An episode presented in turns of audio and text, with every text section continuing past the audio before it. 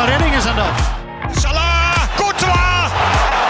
Man van de wedstrijd, nu al in uh, minuut 82.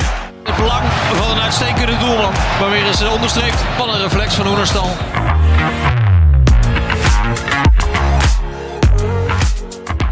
Showkeepers, uh, daar zijn we weer. Mijn naam is Harm Zijnstra. Tegenover mij Arjan. Ja. Goedemorgen weer voor ons. Goedemorgen. Uh, en uiteraard deze podcast ook weer een gast. Een keeperstrainer die uh, ons kan vertellen hoe het er in de top aan, aan toe gaat. voormalig topkeeper en keeperstrainer Raymond van der Gouw.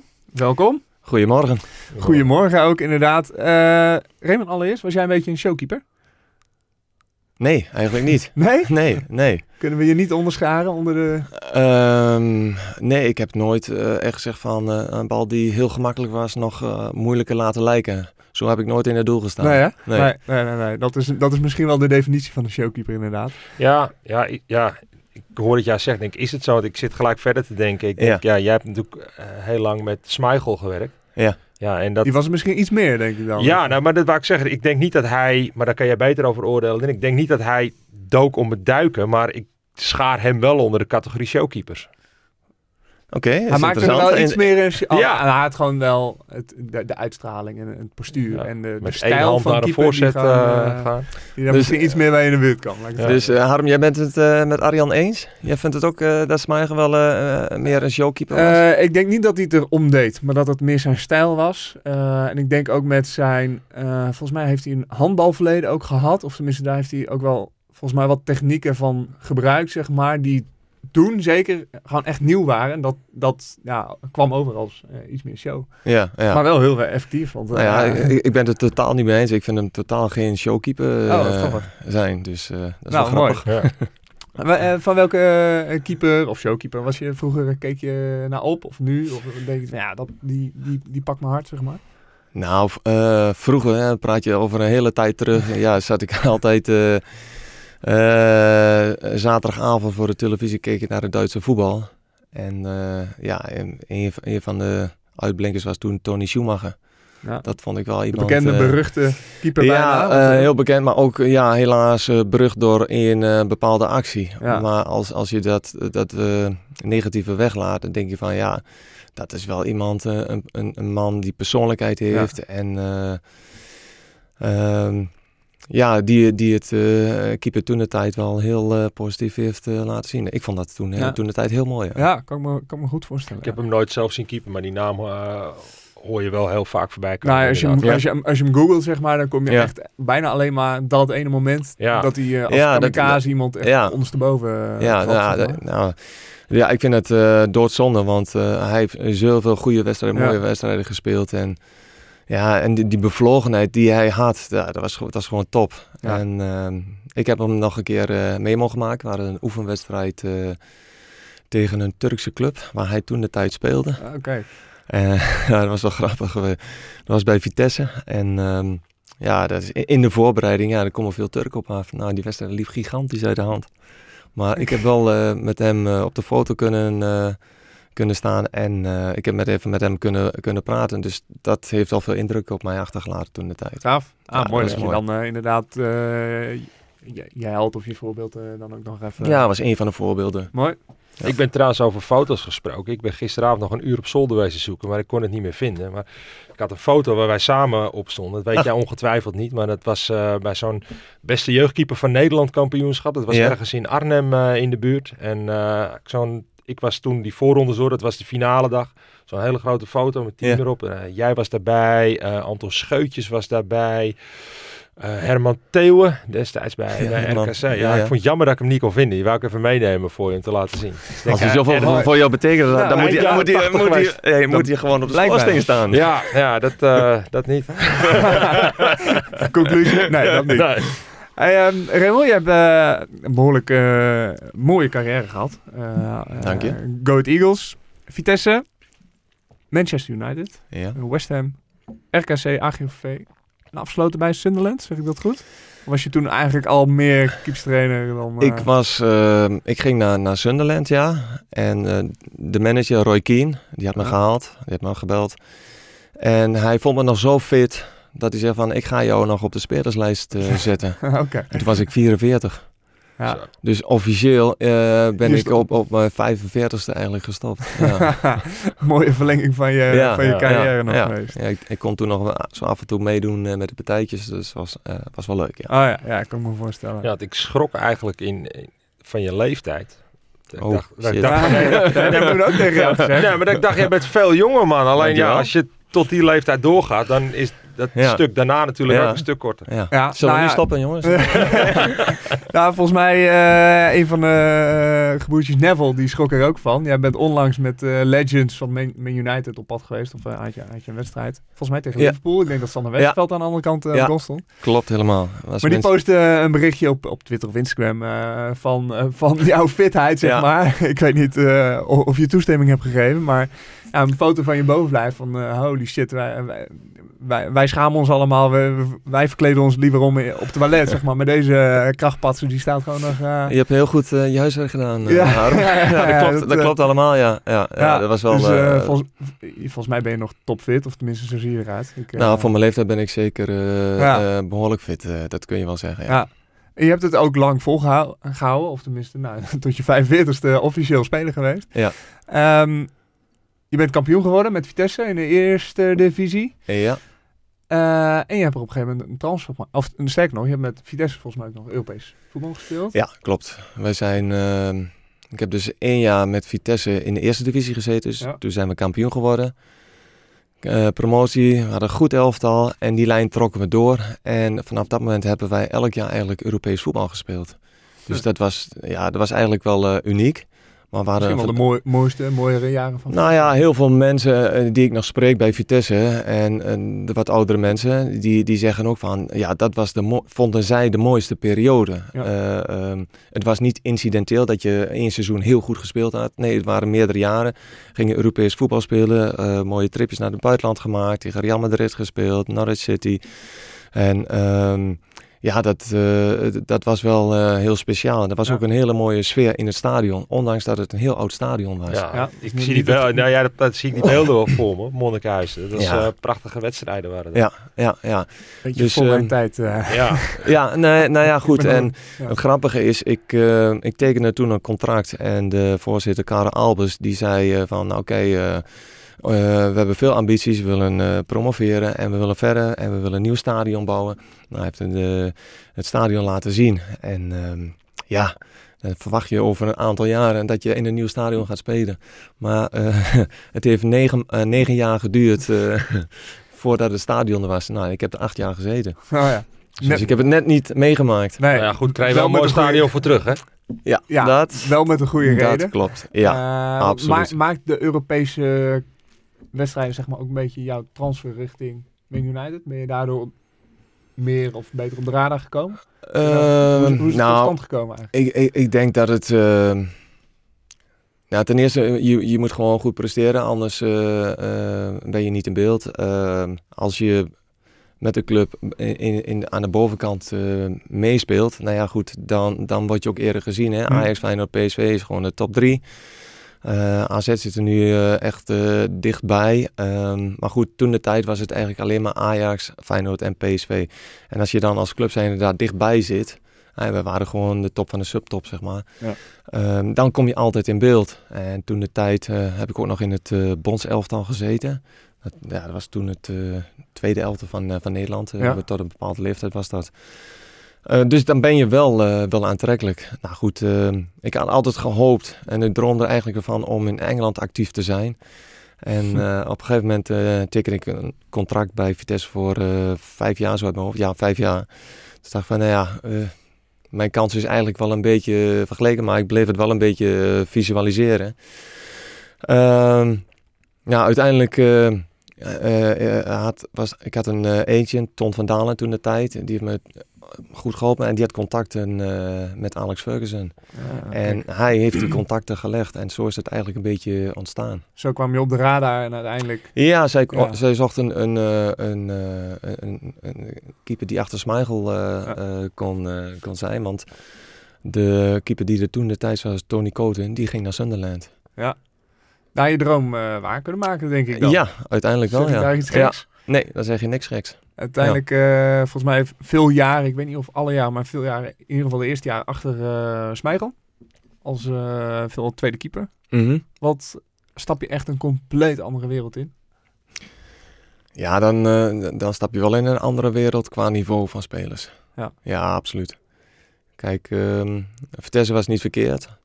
Maar goed, als ik de naam opnoem waar ik eh, toen in terecht kwam, dan, eh, dan is dat wel een Volgens mij de hele. Doe eens Klaas wat als je wil voor de, voor de 92 luisteraars. er Nee, we hebben ook wat jongere luisteraars. Die zullen de namen wel wat zeggen, maar ze die misschien niet actief hebben gezien. Ehm, nou ja, Erik Cantona, Ryan Kicks, David Beckham, eh, de gebroeders Neville. nou goed, later kwam Roy Keane. Roy Keane, uiteraard, uiteraard ja. Ehm, en Nicole, Dwight York. Nou ja, goed, later kwam Jaap Stam. Hm. eh, Ronnie Johnson, Dennis Irwin. ehm, Solskjaer. Ja, Paul Scholes. Zo.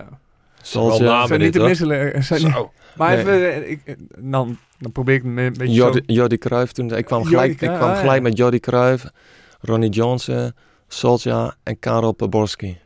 Ja. Ja, die- Lekker rijtje ja, hoor. Ja, Ik, stel, ik probeer me dan zo voor te stellen, zeg maar even de eerste paar weken dat je daar komt. Vliegt dan alles even links en rechts om je oren? Of kon je vrij snel eh, aanhaken, zeg maar, eh, op trainingen? Op... Nee, ik heb, eh, ik heb nooit eh, het, het gevoel gehad, eh, alles vliegt langs me heen. Helemaal niet. Ik had echt, echt het gevoel van, ja, ik voel me hier helemaal thuis. Ah, dat is wel Ik top. heb, ik, heb, ik heb er echt van genoten. Paul Scholes, zeg maar, of David Beckham. Ja, dat zijn wel even wat andere schutters dan... Ja, maar je moet niet vergeten dat David Beckham toen de tijd was nog niet de David Beckham. Mm. die die later werd. ja, acht jaar later, zeg maar. Hij was toen een opkomende speler, zeg maar. Kijk, de, de Klaas Mm. of... eh, even kijken, de zes spelers. Dat is de, de gebroeders Neville, eh, Ryan Kicks, Paul Scholes, David Beckham Nicky Butt. en Nicky Butt. Dat zijn, dat zijn de zes jongens van dezelfde leeftijdsgroep. Die kwamen toen de tijd... Ja, die waren erbij, zeg maar. ja, die kwam net. Het jaar daarvoor waren ze erbij Ja. gekomen. En David Beckham, ja, laat ik het zo zeggen. Eh, de eerste officiële wedstrijd die ik meemaakte met Manchester United, dat was tegen Wimbledon. En toen Ah. scoorde David Beckham de bal vanaf de middenlijn over de keeper. Ja, Ja, die, ge- die, die ging de hele wereld over. de liefhebber Dat, Google. dat was, maar eens dat was in het moment YouTube. van David Beckham, zeg Ja. maar. Nou, dat was mijn eerste wedstrijd.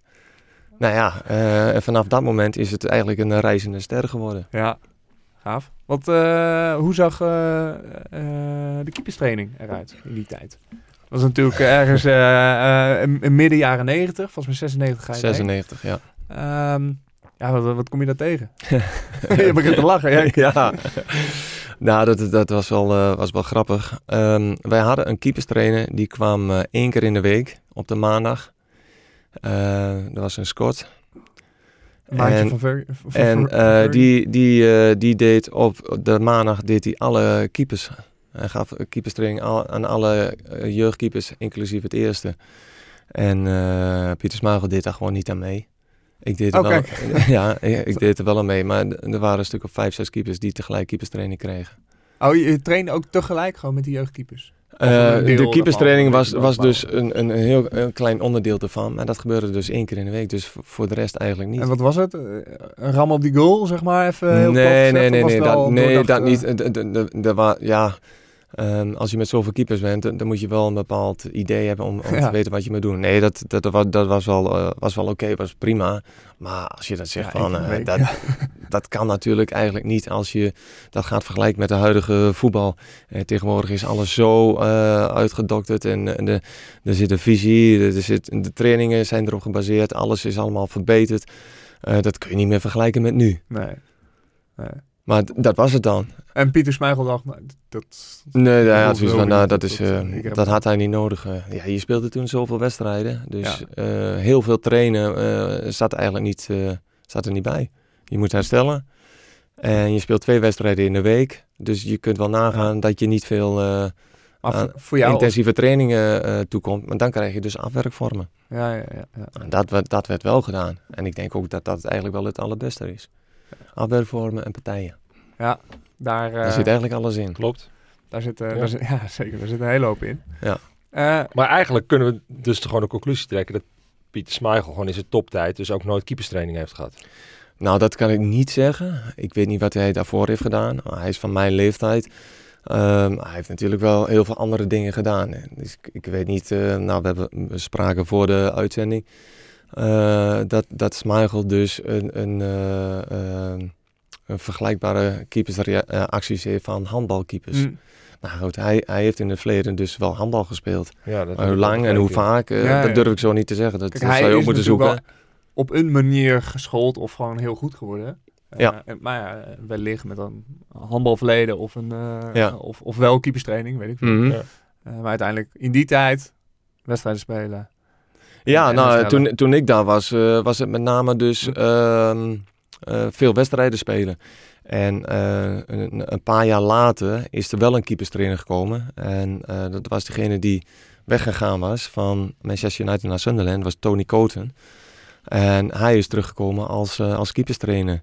En in die periode, op een gegeven moment is de keeperstrainer ook weggaan. Heb ik de keeperstrainingen gegeven hè, voor uh, de aankomende talenten van, uh, van Manchester United. Dat is ook nog wel interessant. Heb je daar uh, nog talenten, of tenminste doorgebroken keepers die, we, die we kennen? Nou, nee, ik, niet, niet, ja, doorgebroken. je had Smeichel en daarna zijn er andere topkeepers bijgekomen. Uh, ja, die jongens zijn overal wel terechtgekomen in een betaalde voetbal. En als wij Manchester United Legends uh, game hebben, dan worden een van die keepers uh, worden dan uitgenodigd. Dus ja. ja. Dus ja, Kevin Pilkington is er een van, Nick Culkin. Um, kijken, Paul Ratjupka, maar dat, dat, zegt, dat zegt hier niet zoveel. Nee, die hebben in Engelse divisies een, ja. wedstrijden zeker gespeeld, zeg maar. maar ja.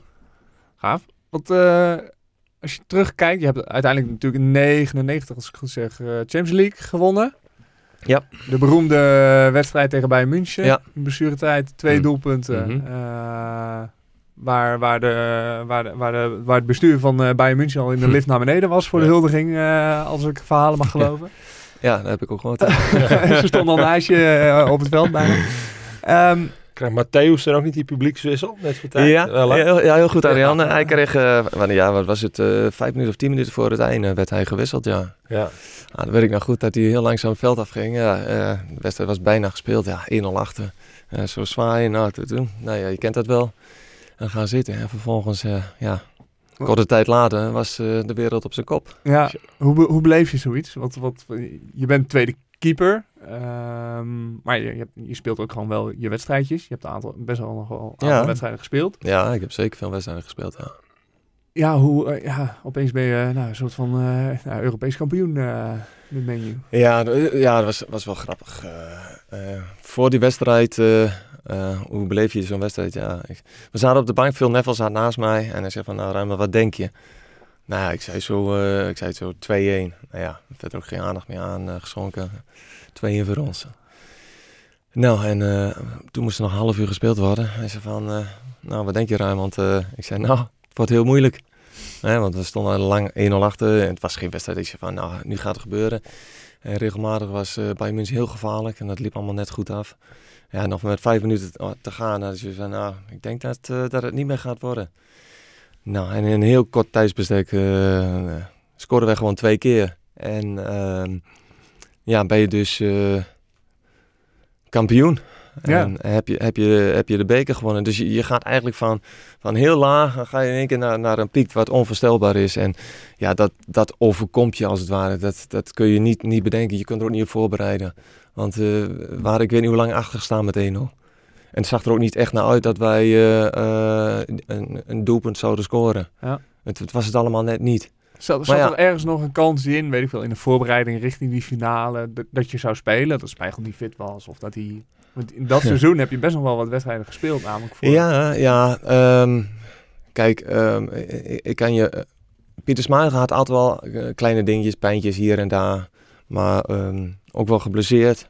Maar hij, hij speelde bijna altijd. Ja, als hij moest spelen, dan... Uh, dan hij hij wou ook altijd spelen. Nou ja, dat was soms wel eens uh, vervelend, teleurstellend. Maar ik kan me nog één keer herinneren. We speelden toen uh, um, de halve finale van de Champions League. Dat was tegen Dortmund. Dat was onze eerste, eerste wedstrijd. Ehm, en ehm, Toen zegt eh, Phil Neville, eh, hij houdt maar rekening mee dat, eh, dat Pieter niet gaat spelen. Dat was de dag voor de wedstrijd. Oh, ja. Ik zei, ja, dat zal wel... eh, Die heb ik vaak gehoord. Ja. Die heb ik zo vaak gehoord. van, Laat maar zitten. En eh, de laatste training heb ik nog met Jordi eh eh, na de training nog even een ballen staan schieten. Ehm, hij op het doel, ik trappen. Nou ja, we hadden eh, veel plezier. En eh, toen komt eh, eh, de trainer komt, eh, de volgende dag naar me toe en zei... Eh, moet je luisteren, Pieter heeft last van zijn rug. Houd er rekening mee dat je eventueel moet spelen. Eh, je gaat, jullie gaan samen de warming-up doen. Ehm, jij apart en hij apart. En als het niet gaat, dan eh, moet je spelen. Dus dat was de eerste keer en dat was ook wel best wel serieus. Ik dacht van, oké, Ja, wacht even. dat was wel, eh, nou ja, goed. Om een lang verhaal kort te maken, ehm, in de warming-up ging het niet. En toen mocht ik de halve finale spelen tegen Dortmund Geen kleine wedstrijd. in, in, in Duitsland. Dat ging het goed. Ja, ging, ging, ging prima. Ja, we verloren 1-0. hij kreeg een bal om door, een afstandsschot. Eh, er werd geschoten, iemand zette voet voor en die kreeg die bal, die kreeg die, Ah, ja. eh, kreeg eh, een lift, zeg deflection. eh, Ja. En die kreeg net, eh, die bal ging net op mijn kraakzwam, maar ik kon de hand er niet meer goed achter krijgen. Toen verloren we 1-0 helaas. Dat was de halve finale. En de volgende wedstrijd verloren we ook met 1-0. Dat was thuis. Ja. Eh, dus dan waren we eruit. Zonde. Ja, Of tenminste, Ja. had, had een, een, een- nog een, of tenminste dan je eerst, een eerste finale kunnen zijn. Was dat daarvoor of daarna? wat? De, deze situatie. Was dit voor eh, dat jullie wonnen, eh, een jaar ervoor? Of was het Dat, nee, daarna? dat was eh, het jaar daarvoor. Ja. Ja, ja. ja. Heb Ja. je ooit het gevoel gehad dat je echt kon concurreren met eh, Pieter Schmeichel? Of was het... Nou, wat, nee, concurrentie, ehm, laat ik het zo zeggen. Ik wist mijn rol. Ik wist eh, dat Smagen gewoon de nummer 1 was. Ehm, alleen, ik had voor mezelf wel zoiets van, mocht er wat gebeuren... en je, jij weet, of jullie weten ja. het ook, in de voetballerij weet je nooit hoe het gaat. Ehm, mocht er wat gebeuren en Pieters zou niet spelen, dan, dan wou ik er klaar voor zijn. Dan wou ik laten zien dat ik, eh, dat ik dat kon. En dan komt bij van, ja, eh, ze kunnen zoveel andere keepers halen. Eh, waarom hebben ze mij gehaald? Nou, als ze mij dan gehaald hebben, dan wou ik er gewoon staan. Ja. En ik wil later in ieder geval in de spiegel eh, kunnen kijken en kunnen zeggen... ik heb in ieder geval er alles aan gedaan. Ik heb geen, geen moment, geen kans laten liggen om, eh, om te kunnen spelen. En eh, dat, dat heb ik eh, zes jaar lang gedaan. Ja. Dus ja, concurrentie, ja. Kon je wel goed Pieter, met hem? Pieter was, was gewoon beter, punt. Ja, ja. Kon je goed met hem? Ik kon, ik kon goed met hem opschieten. Ja. Ja, hij, hij was niet altijd gemakkelijk. Dat, dat was wel een ding wat zeker was. persoonlijkheid. Ja, ja, ja. Maar ja, hij is eh, zoals hij was en ik, wist hoe hij was en, en daar deelde ik mee. Maar in, zijn algemeenheid, eh, ik kon goed met hem opschieten. We woonden dicht bij elkaar in de buurt. We gingen regelmatig eh, gezamenlijk in één auto naar de training of naar een wedstrijd. Oh, ja. Zodat de vrouwen dan eh, eh, met één auto er naartoe zouden kunnen gaan. Dus dat zegt ook wel iets, ja. Ja, en ik heb nu nog steeds eh, goed contact met hem. Er is trouwens een docu van mij gemaakt en daar heeft hij ook een eh, interview gehad. En dat was wel eh, was heel positief over mij. Dus het was wel Oh, leuk. heel leuk eh, om te horen. Ja, kan Dus kan eh, ja, concurrentie, ja, nee, het is, Is maar net hoe je het Terug bekijkt. ergens te luisteren of te kijken? Ja, dat was, eh, ja, dat heet nu, eh, ESPN? Of ja, het valt nu al eerst, maar dat was toen Fox. Oh, ja. Ehm, kunnen we ons even Ja. in, in de krocht eh, zoeken. Ja. Als we hem eh, dus vinden, leuk. dan delen we hem ook even eh, op, de, op onze socials om eh Ja, dus, bij, deze, bij deze podcast. Nee, Pieter was, nee, ik kon wel goed met hem opschieten. Ik kan nu nog goed met hem opschieten. Als ik hem zie, dan is het goed, top. Mooi. Zes jaar Ja. uiteindelijk. Volgens mij na de Champions League gaat Pieter Smijger volgens mij vrij snel weg. Die gaat naar Benfica. Klopt. Dan komt er ook een beetje, eh, volgens mij, of tenminste, als ik dan terugdenk, ja, na Smijgel is er best wel even een gap geweest met Mhm. veel keepers. Mhm. Had je het idee van, hey, dit is nu mijn kans? Of werden er weer keepers met bepaalde verwachtingen of transfers eh, binnengehaald? Nou ja, goed. Bos, Bosnic was eigenlijk een beetje dan de opvolger. Bosnisch is eh, toen de tijd gekomen. Ja, eh, als club zijn moet je vooruit eh, denken en handelen. Ehm, ik was, was ik was, 36. ik, ik, wa- ja, ik 37. had dezelfde leeftijd als, als Pieter, dus ehm, eh, ja, je moet, je moet daar natuurlijk ook verjongen. En zij hebben toen gekozen voor Bosnic. Die kwam van Aston Villa en die had ook nog een Manchester United verleden. Hm. Dus die had al een keer gezeten. Maar ik had wel zoiets van, oké, ehm, ik heb hem gezien toen hij kwam bij de club. Toen dacht ik van, nou, hoe hij zich opstelde, eh, ik, ik, ik maak wel kans. Dus toen, Het, het, was, toen gewoon, het was gewoon een hele goede keeper, maar ehm, ja, ehm, hij, hij, hij, ja, hij heeft zichzelf in mijn ogen een beetje tekort gedaan.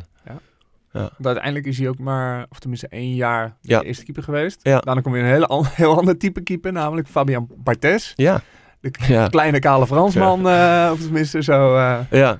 volgens mij ook niet een extreem succes. Zeg ik iets Nou, geks? Buiten het feit dat hij ik- verschrikkelijk goed kon keepen. Maar bij Menu... Jawel, hij, hij was eh, zeker wel een goed extreem succes. Is, is een, misschien de juiste betiteling. Maar het eerste jaar heeft hij gewoon fantastisch staan te keepen. Was hij gewoon echt goed. En het tweede jaar was het door omstandigheden wat, wat minder. Eh, dat had met privéomstandigheden eh van zijn moeder te maken. Ehm, toen zag je dus ook een beetje dat het ja, net, net eventjes wat minder liep. Ja, en eh, dan krijg je een derde jaar en dan, moet- dan moet je er staan. Want anders is het ja, één jaar goed, het Ja. tweede jaar wat minder. Ja, dan, dan, dan moet het klaar zijn, dan moet je er Ja. echt... Nou, het derde jaar was niet super succesvol. En daarna hebben ze ook afscheid van hem genomen.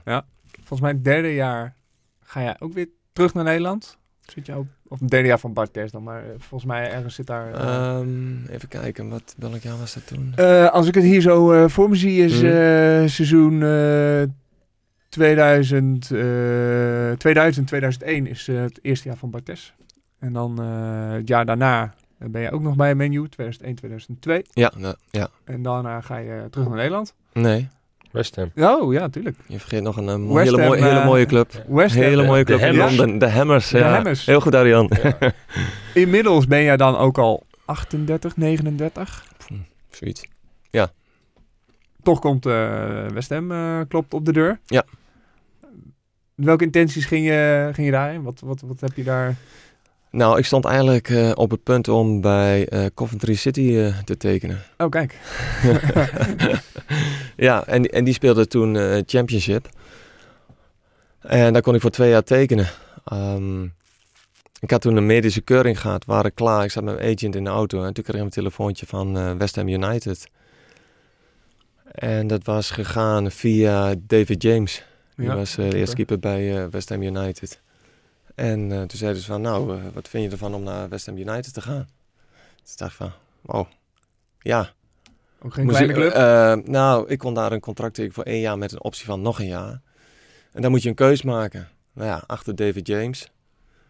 Ehm, wat ik zei, je weet het nooit hoe het gaat. Ehm, toen had ik zoiets van, ja, ik kan nog een, keer, nog een jaar in, in, de, in de Premier League eh Ja. eh, rondlopen. James wilde jou er zelf bij hebben. Ja, hij, hij was zelf met... eh, ook wel bijzonder. Dan, Ja. nou ja, eh, hij had het contact gelegd Ja. met, de, met de agent. Ik- hoe dat precies gaat, weet ik niet. Maar goed, eh, en ik kende David James eh, van de tijd eigenlijk nog van, eh, van Liverpool toen hij daar heeft Ja. gezeten. Ehm, ja, dan kun je kiezen championship voor twee jaar voor Coventry of eh, nog een jaar in de Premier League. En dan zien hoe het eh, verder gaat. Nou, ik heb dus eh, gekozen voor West Ham United. Hm. Eh, geen moment spijt van gehad, maar ehm, we hadden allemaal internationals en na één jaar degradeerden wij. Onvoorstelbaar. Ik geloof Ja. dat dat seizoen een club gedegradeerd is met, met het meeste aantal punten. Dat was nog niet eerder voorgekomen. Mijn optie ja, werd niet verlengd omdat ze gedegradeerd waren. Dus toen was mijn verhaal klaar. Ja.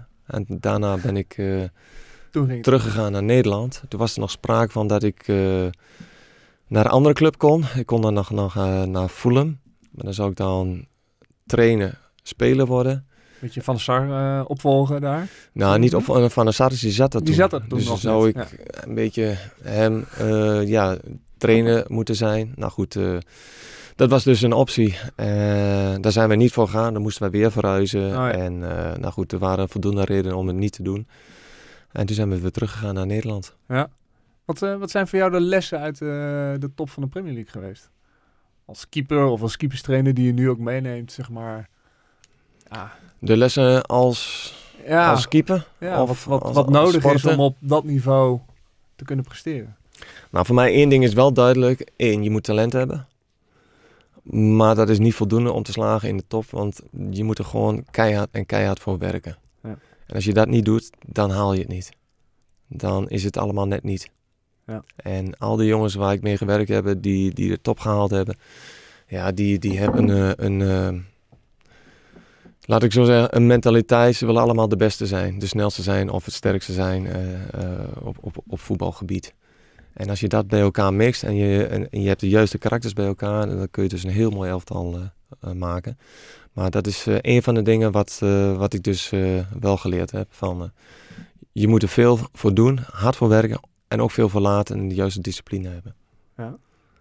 Dat, eh, dat, dat is sowieso een voorwaarde zeg maar, om te kunnen slagen op dat niveau. Ja, En qua, qua ja. druk, of tenminste heb je... Dat, nou, bij, bij een club als Menu is er altijd druk. altijd.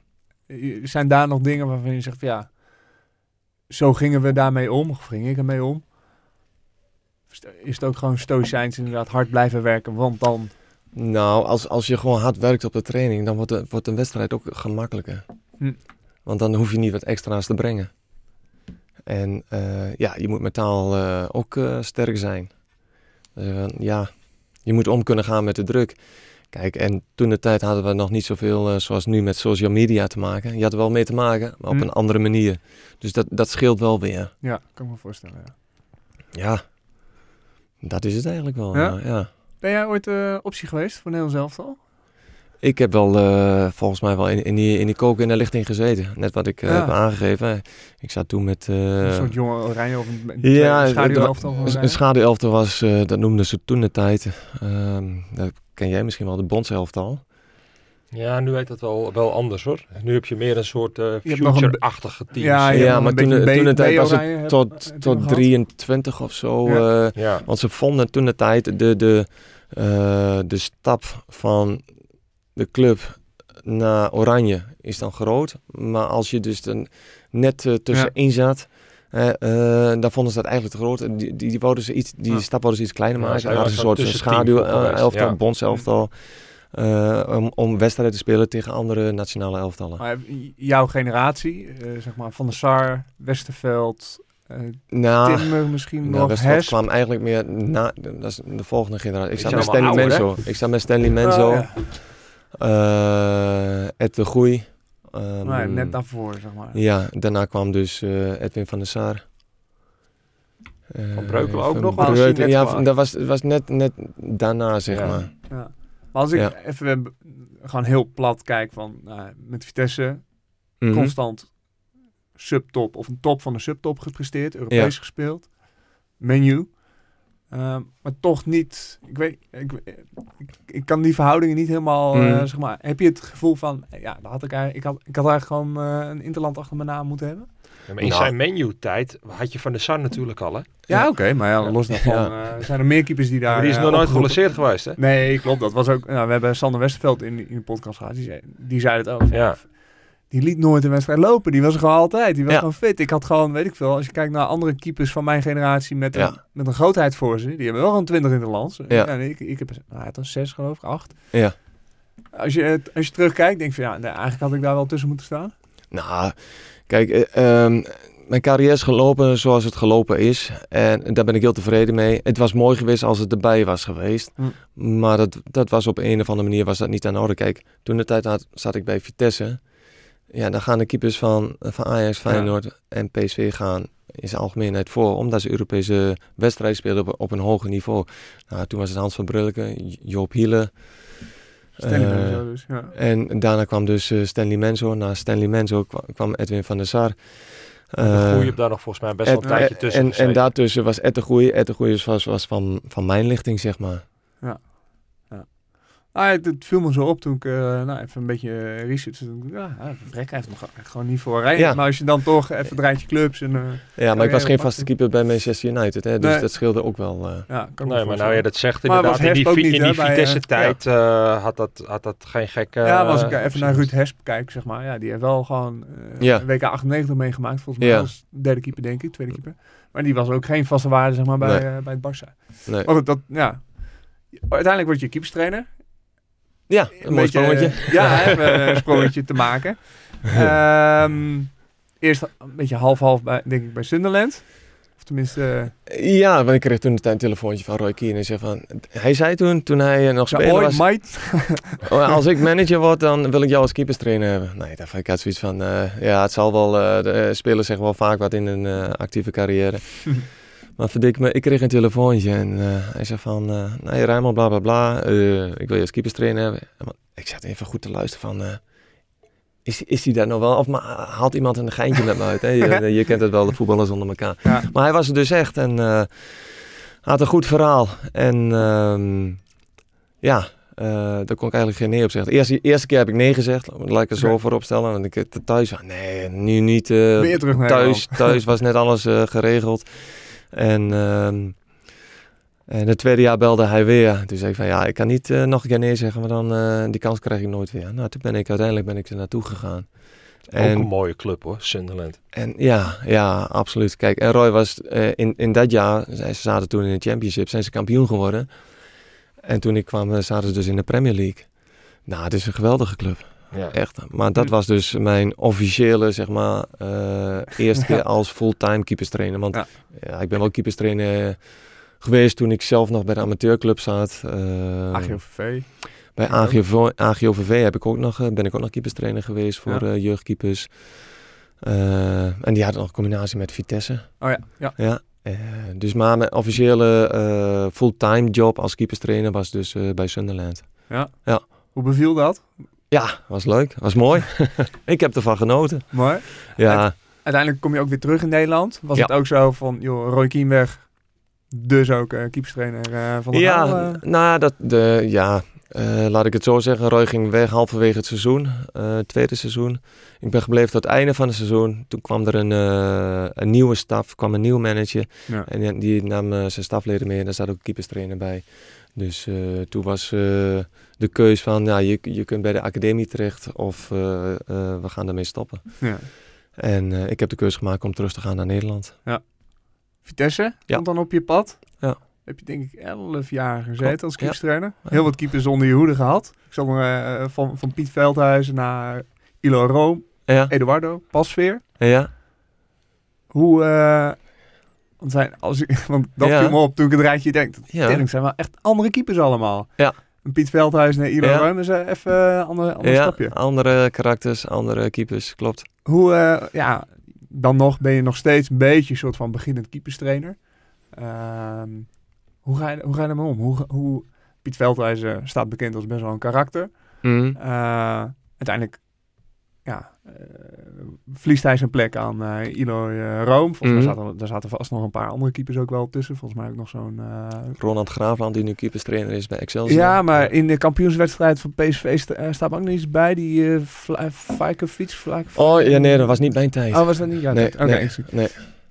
Dus ik dacht, nou, hoe, hoe manage je zeg maar, de karakters van een eh, Veldhuizen of een eh Rome of een Eduardo, die ook weer op een hele andere manier binnenkomt bij zo'n club. Ja. Hoe ga je daarmee om als keeperstrainer? Eh, ja, kijk, ik, ik stel altijd eh, eh, het volgende. Ik, ik kijk naar de keeper. Hoe is hij? Ja? En wat heeft hij nodig?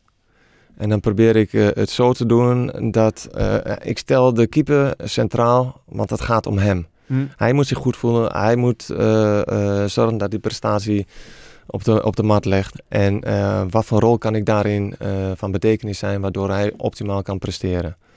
En dat doe je dan, en daar heb ik een bepaalde idee over.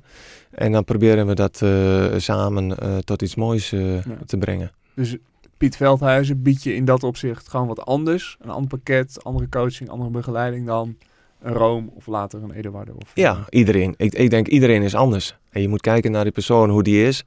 En eh, wat ik al eh, heb aangegeven. Als je in de top wilt werken, eh, dan heb je talent nodig. Hm? Maar daarnaast moet je ook hard werken.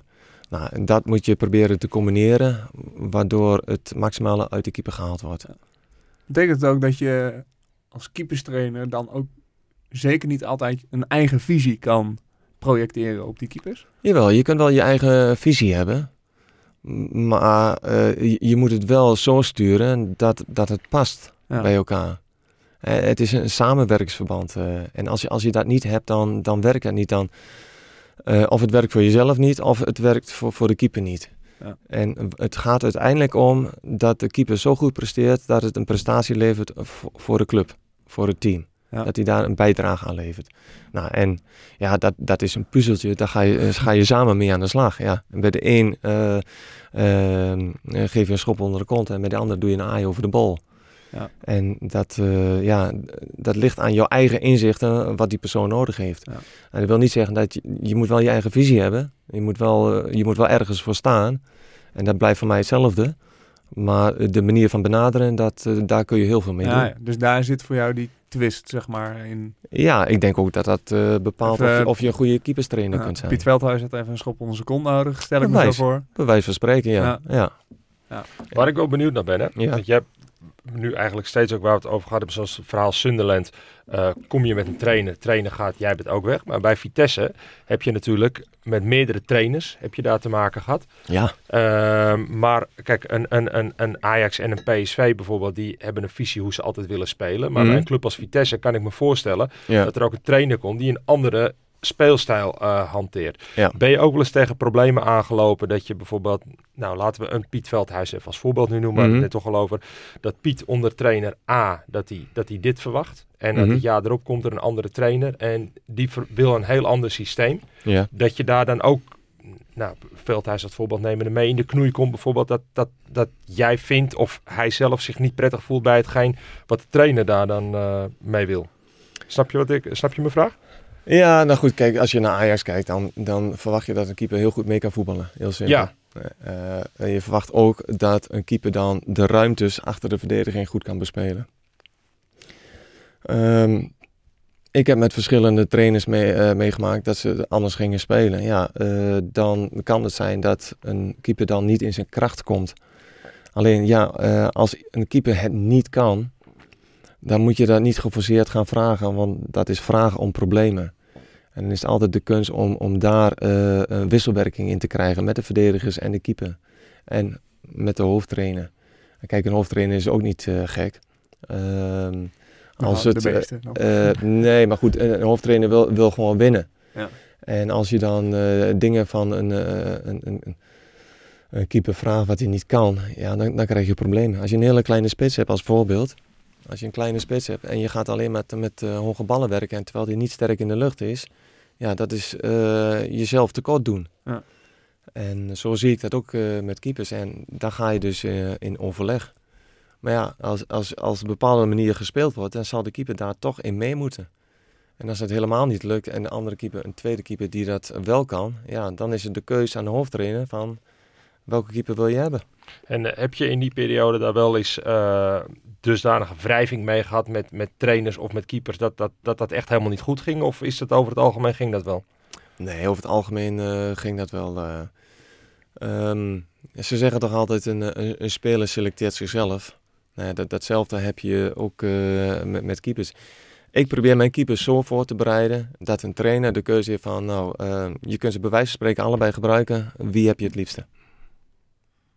Kijk, en ik vind dat een hoofdtrainer ook het gevoel moet hebben van, als ik voor die keeper ga, dan heb ik het vertrouwen daarin.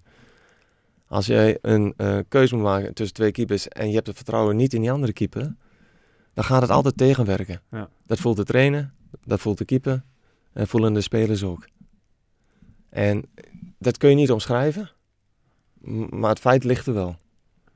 Nou ja, dan is de keus eh, van de hoofdtrainer welke hij gaat kiezen. En ik kan daar alleen maar een adviserende rol eh, ja, in, is de in- hoofdtrainer altijd, ook op het gebied van keepers, verantwoordelijk? Of, of ligt die verantwoordelijkheid soms ook meer bij een keeperstrainer in die zin? Dat is wel, ja, uiteindelijk, we snappen allemaal dat de hoofdtrainer uiteindelijk echt eindverantwoordelijk is. Maar Ja, lang niet elke hoofdtrainer heeft eh dermate kijken op keepers dat je zegt van, die kan ook eh, op een goede manier die keuze maken. zeg. Ja. Ehm, kijk, ze hoeven niet allemaal verstand van keeper te hebben. Maar stel, jij, jij bent de eindverantwoordelijke. Hm. En, je, en je ziet dat, dat de keeper in jouw, voor jouw gevoel niet goed doet. En hoef je er wel of geen verstand van te hebben, dat maakt niet uit. Als die bal maar tegengehouden wordt. Het gaat niet goed. De eerste die aangesproken wordt, is de hoofdtrainer. En als het verkeerd Zeker. gaat, gaat zijn hoofd eraf. Ja. Dus in, in mijn optiek is het zo dat de hoofdtrainer is de verantwoordelijke. Die maakt uiteindelijk de keuzes. Ik kan het alleen maar eh, eh, adviseren. Ja. En uiteindelijk eh, is het zijn keus wat hij ermee doet. Ja, ja. Ah, dat kan me go- goed voorstellen. Nou, volgens mij heb je het vorig jaar meegemaakt, denk ik, bij PSV. Of tenminste, daar zijn wisselingen geweest tussen Drommel en Vogo. Weer terug naar Drommel, weer terug naar Vogo, zeg maar. Even, Ja, ik, ik wil even een, een andere situatie even aangaan. Ik weet dat de situatie bij Fortuna Sittard bijvoorbeeld. Hè, de keeperstrainer vond dat een keeper niet fit genoeg was. Ja. En, en, en vervolgens... ik denk dat we het over Piet Veldhuis hebben, ja. En, en vervolgens eh, heeft de hoofdtrainer er toch voor gekozen. En, Ja. en dat is behoorlijk eh, Dat is geborst. Ja. Ja, dat is behoorlijk geborst. Waarvan ik denk van... één, hou het buiten eh, de media. Dat Hè? En, Ja. en, en ten tweede, eh, ni- niemand is daar positief uitgekomen eigenlijk. Nee. Nee, eh, dat zeg je goed. Daar waren geen winnaars. Nee, en, en je hebt mensen beschadigd aan, aan alle kanten. En, en dat is gewoon doodzonde geweest. Ja. Dus eh, ja, uiteindelijk is de, eh, de, de, de hoofdtrainer de eindverantwoordelijke. Hoe kijk je dan dan, zeg maar, vorig jaar en Vogo Drommel, zeg maar? Ehm, Ja. Ook wel nou, opvallende situatie uiteindelijk, hoe dat uiteindelijk is gelopen gedurende het hele seizoen met Mhm. de wisselingen. Zelfde, zelfde schets, adviserend. En eh, in dit geval Roger Smit eh, hakt de knoop door. En die, de week erop is die knoop weer anders, zeg maar. Wordt die anders doorgehakt? Nee, ehm, kijk, Vogel die zat bij het nationale elftal. En eh, Zwitserland deed het gewoon heel goed op het EK. Ja, die heeft een halve voorbereiding gemist toen. Ja, hij heeft het eerste seizoen heeft hij de voorbereiding gemist. En het tweede seizoen heeft hij weer de voorbereiding gemist. Hè, verder gekomen met het EK. Vervolgens nog een aantal dagen rust gehad. En toen is hij bij de club, eh, bij de voorbereiding gekomen. En toen zaten we een week voor een belangrijke wedstrijd. Dus in die hele periode is eh Joël Drommel gekomen. Ja. En die heeft het eh, prima gedaan. Ja, dan ga je niet zo 1, 2, 3 wisselen. Nee. En vorig, vorig, eh, het seizoen daarvoor gewoon prima gedaan. Hij had een hele moeilijke start. En vervolgens heeft hij het eh, goed opgepakt. Het was ook niet zo, zo gemakkelijk. Maar toen is hij wel gelijk begonnen, hè? Dat eerste jaar. Eh, Ja, maar eh, toen is hij ook in de voorbereiding begonnen. Maar toen heeft hij toch wel een aantal wedstrijden gespeeld.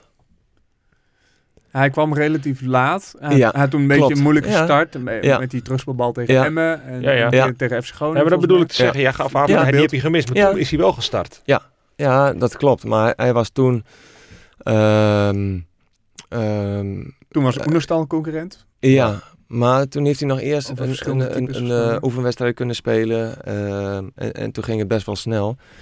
Maar eh, het jaar daarop is, was hij nog later. Ja, dat is heel laat. Ja. En eh, hij had een, een, een, eh, aantal dagen of een week heeft hij rust gehad. Dus dan ga je vanuit rust, dan zou hij in één keer een hele belangrijke wedstrijd moeten spelen. En dat was voor Ja. Europees eh, voetbal. Oh ja, ja vorige de Champions League. Ja. Ja, en, en, en Drommel had al die oefenwedstrijden gespeeld. Dus dan heb je ook een stukje continuïteit van achteruit eh, met, de- met de spelers. Ja.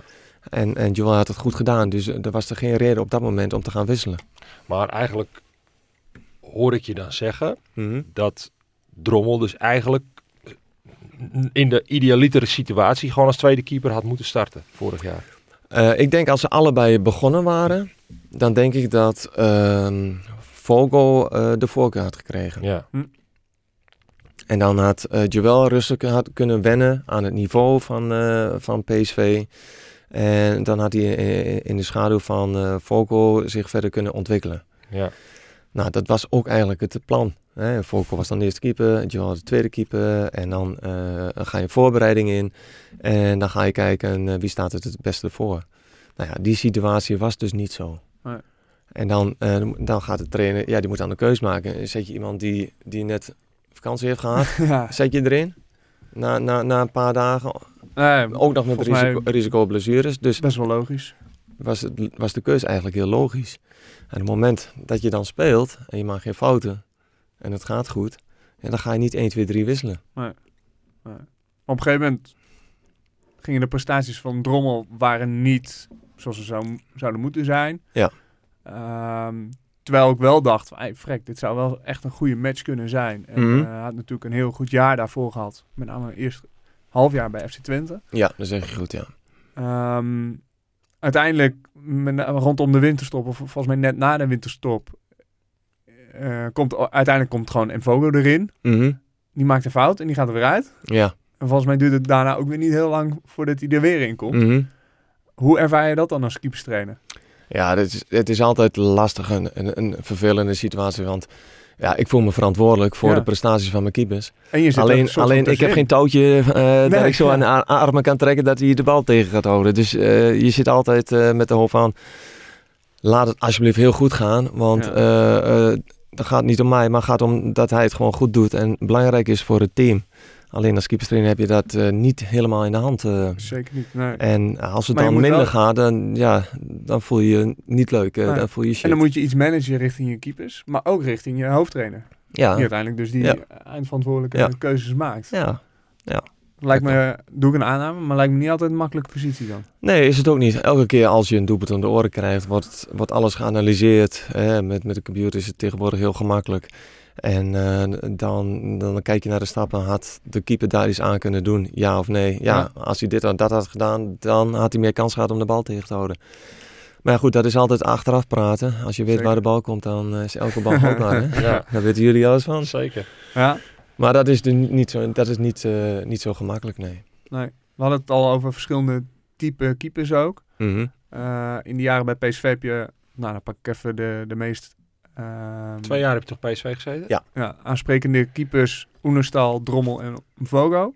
Ja, Ook totaal andere ja. keepers. Met name het verschil richting Oenerstal is natuurlijk Ja. heel, heel groot. Mhm. Ehm, daar werd wat van hem verwacht, zeg maar, in een eh, manier van spelen die eigenlijk gewoon niet met hem matchte. Eh, ja, je begint een beetje. eh, hoe, hoe bied je hem dan toch iets aan, zeg maar, dat hij daar wel naartoe kan groeien, zeg maar? In Wie? Het, uh, Nou, Oenerstal. Naar Oenerstal. Ja, dat was het eerste jaar bedoel je? Ja, dan, hij, hij, er werd iets van hem verwacht, zeg maar, in die nieuwe speelstijl van Smit. Dat hij met name in het verdedigen van de ruimte eh, en in het meevoetballen veel meer bijdrage zou hebben. Mhm. Daar, daar liggen niet zijn kwaliteiten. Dat, Ja. dat zien we nu heel erg. Hoe bied je hem dan toch iets aan in trainingen, eh, wat hem verder helpt, maar tegelijkertijd Drommel of een Vogel, of een Vo- een Vogel eh, op dat moment ook verder helpt, die daar wel juist heel goed in is. Dat lijkt me heel moeilijk namelijk. Nou ja, Volko kwam ten eerste ehm, vanuit de positie dat hij weinig gespeeld had. Ja. Dus er was al een, eh, een hele stap voor hem om wekelijks één wedstrijd te spelen. Maar hij ging niet van één wedstrijd, hij ging naar twee wedstrijden. Dus dat is een behoorlijke, behoorlijke aanslag op zijn lichaam. Ehm, dus met de training hou je daar rekening mee. Eh, het meevoetballen hoefde ik hem niet te leren. Nee. Alleen hij mo- moet wel in bepaalde situaties moet dat weer, weer terugkomen. En de trainingen zijn, ja, dat gaat automatisch mee. Je weet zelf, als je partijtjes speelt, hè, dan doe je met je voeten mee je tegenwoordig. tot, Nou, ja. ja. En als de kleine partijtjes gaat het sneller en als de de afstanden wat groter zijn, dan eh, moet je iets anders gaan spelen. Dus dat, dat loopt wel.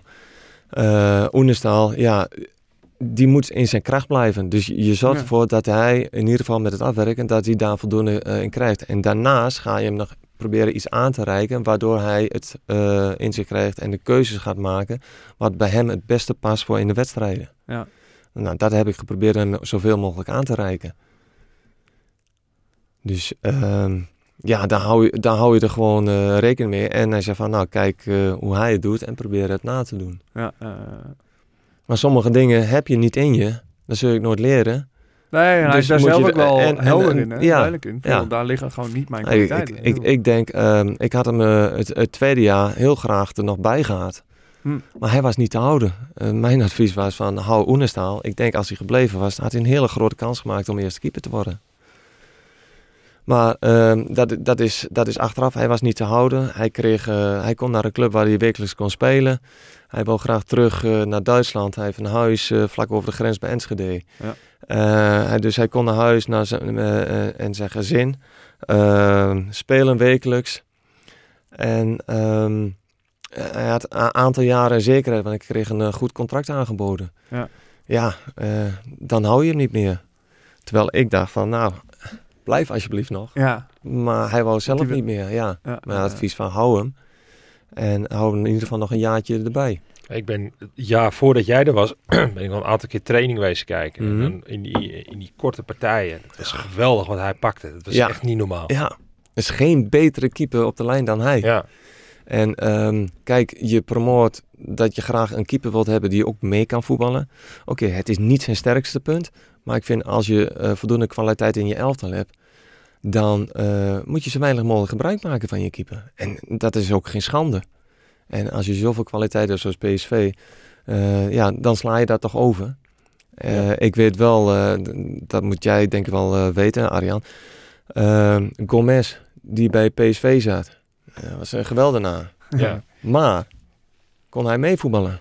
Nee, ook niet. Ook niet. Nee. Nee. Nou, ik sprak met de assistent-trainer André Ooyen, die zei van, nou, eh, wat er ook gebeurde, die bal ging niet terug naar de keeper. Nee.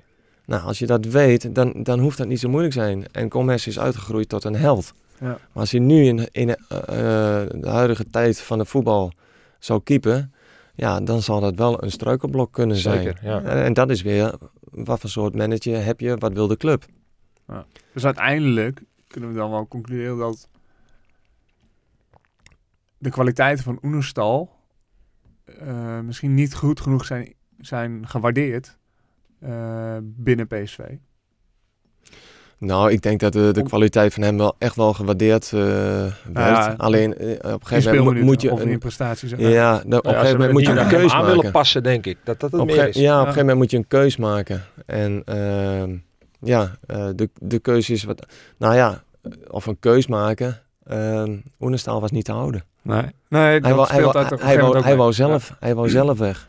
Ja, met dat verhaal wat jij zegt, dat hij weer naar zijn eigen huis kan. Net Ja. over de grens, dat is wel een heel duidelijk eh, Ja. logische keuze dan. Ja, zeker. Absoluut. Dus, eh, nee, hij presteert ook eh, fantastisch. Dus Absoluut. Ja, hij- Ja. hij- hij- ja, ja. Toch? Als je, Nou, als je dan ziet, als je je, als je hem ziet spelen, dan denk ik van ja, ik heb helemaal gelijk gehad.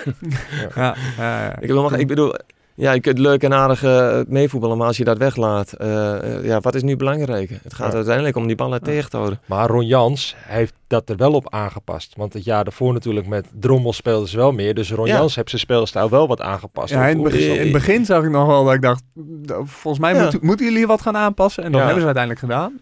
Ja. Dan komt hij volledig in zijn kracht. Ja, maar het heeft ook met Lars zelf te maken. Als je dan terugballen eh krijgt, wat doe je ermee? Ja. Welke keus maak je? Ga je nou proberen datgene te doen wat, wat, maken, wat, wat, die, wat de andere keepers doen, wat niet jouw kracht is? Dat moet je niet doen. Nee. Wees nou slim en maak een keus en ga gewoon voor safe. En schiet die bal weg. En dan gaat hij een keer over de zijlijn, so what? Ja. En, en dan gaat hij een keer over alles en iedereen heen. Nou, en eh, die bal is dan aan de andere kant. Dus eh, als de spelers dat accepteren en de trainer accepteren, dan heb je gewoon een fantastische keeper. Ja. Nou, in, het begin vorig jaar zag ik inderdaad wel... ja, dat ze een paar van die doeltrappen kort gingen nemen. Wel in Ja, de 16 meter dacht ik, oh jongens, wat doen jullie elkaar aan? Gewoon, doe het niet. Want dat, het is een vraag om problemen, zeg maar. Ja, en nou. dat hebben ze echt aangepast. Blijf in je kracht. Ja. ja. Mooi. Moet je altijd doen. Ja, dat denk ik ook. Ehm, ik wil even naar het rubriekje wereldkeeper. En daarna sluiten we hem nog even af. Want er is een, ook een, eh, een volgende generatie van de Gauw die ehm, Hm. eh, wellicht op de deur aan het kloppen is. Eh, maar man, als ik zeg eh, Vitesse Jeugd, Jong NEC, FC Eindhoven, Lijknier in IJsland en Valur Reykjavik in IJsland. Over welke Nederlandse keeper Oh, heb ik het dan? ik dacht even, waar, waar ga je naartoe? Nog een keertje? En- Vitesse Jeugd, Ja, NEC, Jong NEC, FC Eindhoven is zijn carrièrepad. Lijknier ergens in IJsland, volgens mij Reykjavik. En Valur Reykjavik. Zo. Gaat er dan ergens een belletje rinkelen van een Nederlandse keeper Nou, die eh, mij niet over, in ieder geval. over de grens aan de actief is? Het is eh, Guy of Guy Smit. Oh, Kie. Ja, dus ik Ja. dacht daar, wellicht ken je hem gewoon vanuit Ja, ja, ja, ik ken tijd. Ja, zeker. Ik ken. Hem, ik ken hem zeker, ja. Die, eh, ik die- wist niet dat hij hier zat, maar ik wist wel dat hij naar, bij NEC heeft gezeten. Ja, klopt. Den Bosch. En die heeft, Ja, ik. ja dat, eh, dat, eh, dat is eh, nou, voor vandaag onze, onze wereldkeeper in, eh, in, in deze rubriek. En hij heeft, eh, hij heeft een voiceberichtje eh, eh, ingestuurd. Dus daar gaan we even, even kort naar luisteren. Goedemiddag mannen vanuit IJsland. Ik eh, zal mezelf even voorstellen. Mijn naam is Guy Smit en ik voetbal hier bij Walu Reykjavik. Het is de grootste club qua budget en begroting in IJsland. Het is ook wel te vergelijken met eh, Ajax in Nederland. Alleen eh, qua verschil, ja. Onze competitie duurt van april tot en met oktober. En eh, we zitten ook met z'n twaalfen en niet met z'n achttienen in de competitie. En ik denk ook, eh, als je googelt dat je kan zien dat succes niet te koop is. We staan nu op het moment vierde. Natuurlijk, als je aan IJsland denkt, denk je aan kou. Het eerste wat ik ook inpakte toen ik hier naartoe ging, was mijn thermokleding. En mutsen en kolletjes, noem het maar op. Die heb je hier ook zeker nodig. Eh 9 van de 12 maanden is het hier eh, rond de 10 graden. Met een eh, koud windje dat uit Groenland komt. In de wintermaanden ligt er zeker sneeuw. Dan ehm, ligt er wel eh, 10 tot 15 centimeter elke dag. Ook al wordt het elke dag weggehaald van het veld, de volgende dag ligt er weer een nieuw pak.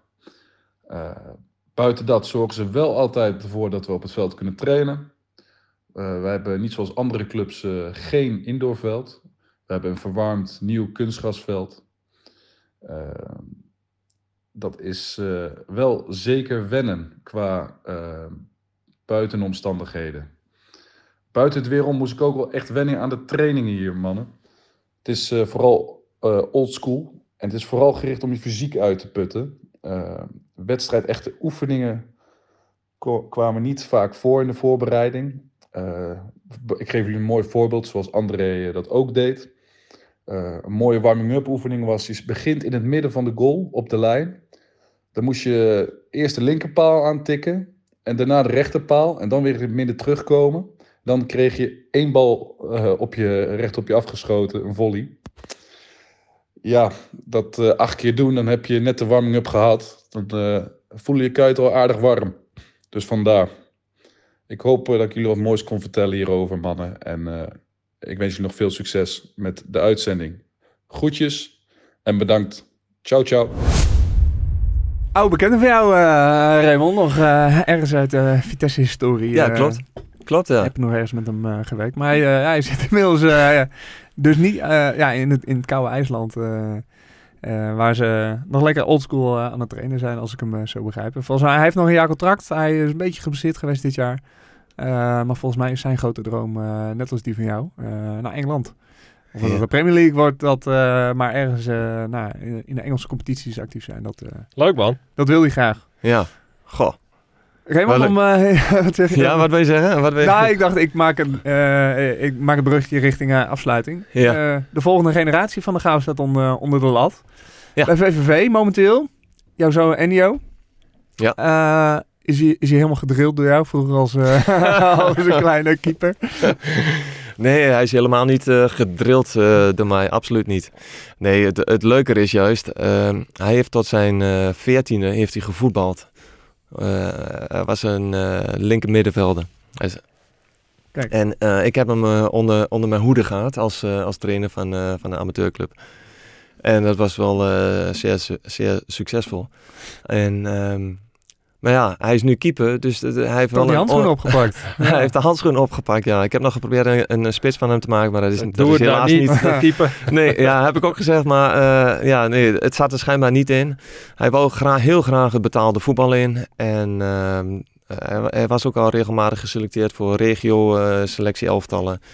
Uiteindelijk uh, schijnbaar niet goed genoeg en... Um, toen was uh, FC Twente, Erik Weghorst was toen de keeperstrainer bij FC Twente. Die zit nu uh, bij uh, Eagles. Eagles ja. ja. Die zei van Rijnmond, als Enië nou gaat keepen, dan moet je me waarschuwen, want dan wil ik hem graag zien. Want hij had ook wel eens een keer bij die selectiewedstrijden, heeft hij, had hij wel eens op het doel gestaan. En heeft hij een hele goede indruk achtergelaten. Nou, nou, toen dat gebeurde had ik, heb ik Erik op de hoogte gesteld. En toen zei hij van, ja, we willen hem graag hebben. Maar goed, Vitesse had ook nog belangstelling. Um, dus hij kon uh, op zijn, op zijn 14e kon hij naar Vitesse en naar Twente. En toen zei van ja, ik wil niet naar Vitesse, anders gaan mensen zeggen dat uh, als mijn vader Nou, daar zit, daarom ja. zit, zit ik dan bij Vitesse. Dus ik maakte de keuze om uh, naar Twente te gaan. Nou, vond ik heel, heel moedig. Ehm, nou ja, eh, Nu bij VVV, Hij- ook een moedige keuze. Want Ja. hij, hij Ja. kon nog verlengen bij Twente. Ja. En nu eh, Ja. speelt hij. Ja. Tenminste, Ja. eh, concurrent Tsjechisch keeper Zima is Ja. geblesseerd. Ja. En hij, eh, volgens mij grijpt hij zijn kans. Dus Ja. dat is mooi om te zien. Ja, nou, maar even terug te komen op de, op de drillen. Ik heb hem niet gedrild. Hij- hij, eh, we hebben heel goed contact met elkaar. Ik zeg, als je advies wil, dan kun je bij me komen. Als je extra training wil, kun je bij me komen. Dan moet jij het aangeven. Ja. En zo is dat ook gegaan. Ja, maar zo kom je ook niet over hoor, als een... eh, Drillen. Nee, nou ja, dat, dat zeg je wel, maar eh, ik, ik heb Hard wel... werken, hoor. Ja, Ja. maar ik heb er wel een akkefietje gehad. eh, toen hij nog heel jong was, 6, 7 jaar, eh, gingen we voetballen in de tuin. En toen, eh, toen ging hij ook keeper. En, en toen werd hij heel boos en kwaad, want ik wou iets wat hij niet wou. Hup, naar binnen. En, en toen zei mevrouw, wat heb jij daar gedaan? Ik zei, ja, eh, als hij nou zo en zo doet, dan is het beter voor hem. Ja, ik van, wat dan? Ja, eh, je bent zijn vader. eh, hij moet het gewoon leuk hebben. Waarom moet hij dat doen? Eh, Met zijn vader, niet zijn trainen. ja, precies. En eh, nou, dat heb ik heel goed in mijn oren geknopen. En dus vanaf dat moment was het ook zo van... Oké, ik ben je vader, ik ben niet je trainer. Als je het wil, dan kun je bij me komen. ja. Dus even, nog even dat verhaal af te maken. dus over gedrild, ja... Niet gedaan dus, maar had er wel in gezeten. Op de- maar op de- gelukkig niet. Op de vingers getikt En door... eh, als eh, eindresultaat zit hij dus nu hier bij VVV. Leuk. Dus dat vind ik wel heel erg mooi. En ja, hij speelt nu. ja, Leuk. we gaan het in de gaten houden. Zeker, ja. Dankjewel uh, Raymond voor je, voor je verhaal, voor je lessen. En eh, ben benieuwd wat eh, jouw toekomst ook brengt. Je hebt nu eh, momenteel geen club. En eh, nou, volgens mij, eh, of tenminste zag ik op LinkedIn voorbij komen dat je wil, eh, iets meer wil gaan richten op eh, consultancy, eh, goalkeeping consultancy. Ja, nou, ik ben nog steeds op zoek om een BVO te vinden om aan de slag te gaan. Dat mag binnen- en buitenland zijn. Je bent nog fit. Ik ben nog fit. Ik denk dat ik ook nog wel genoeg de keepers bij kan brengen. Ja. En als dat niet lukt, dan... Ik denk dat ik heel gewoon... Of ik, denk, ik weet dat ik goed met de jeugd ben. Ik heb de academie lichamelijke opvoeding gedaan. Dus elf jaar voor de klas gestaan. Dus ik weet wel een beetje waar ik over praat. Zeker. Dus als ik ergens aan de slag kan bij een eh, academie, bij de, bij de jeugd, dat is eh, ook welkom. Nou, bij deze wellicht eh, lu- luisteren, want het, het gebeurt vaker dan je denkt. Luisteren er nog mensen vanuit academies, vanuit keeperscoaches die denken, hey frek, dit, dit zou een mooie match kunnen zijn. Weet dat Raymond beschikbaar is. Ehm, voor nu, eh dankjewel. Dankjewel Raymond, dankjewel Arjen. Bedankt voor het luisteren. Ehm, je weet ons te vinden op onze social media kanalen, Showkeepers op Twitter en Instagram.